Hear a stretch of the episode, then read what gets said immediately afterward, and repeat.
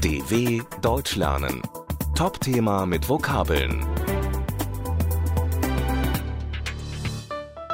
Kiosksterben in Deutschland. Wo bekommt man in Deutschland auch nach Ladenschluss noch Zigaretten, Alkohol, Zeitungen und Süßigkeiten? Am Kiosk. Früher konnten die Besitzer gut davon leben.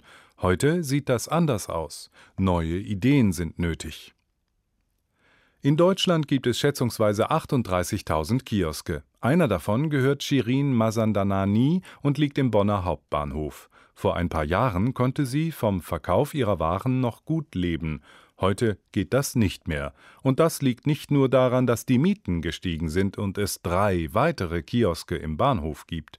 Auch die zunehmende Lockerung des Ladenschlussgesetzes macht Mazandanani zu schaffen. Denn seit 2006 sind auch viele Supermärkte länger am Abend und am Wochenende geöffnet. Das hat dazu geführt, dass Kiosk und Tankstelle nicht mehr die einzigen Anlaufstellen für die Menschen sind, die spät am Abend oder am Sonntag einkaufen möchten. Damit Kioske in Zukunft attraktiv für Kunden bleiben, muss sich ihr Sortiment ändern, findet Sabine Möller, Professorin für Convenience und Marketing. Es wird immer weniger geraucht, Printmedien stehen unter wirtschaftlichem Druck und Süßwaren sind auch keine Ware mit steigendem Absatz, sagt sie. Mit anderen Waren könnten Kioske jedoch Kunden anlocken, die keine Lust auf Großeinkäufe im Supermarkt haben und lieber in der Nähe ihrer Wohnungen einkaufen würden, glaubt Möller. Das funktioniert zum Beispiel gut in Hannover, wie Arne Vorder-Wühlbecke vom Institut für Wirtschafts- und Kulturgeographie an der Universität Hannover festgestellt hat.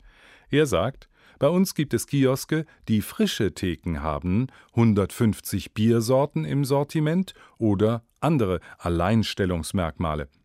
Auch Masandanani bietet frische Lebensmittel in ihrem Kiosk an, aber nicht nur deshalb kommen ihre Stammkunden gerne zu ihr. Sie freuen sich darüber, dass sie in Masandananis Kiosk immer freundlich bedient werden.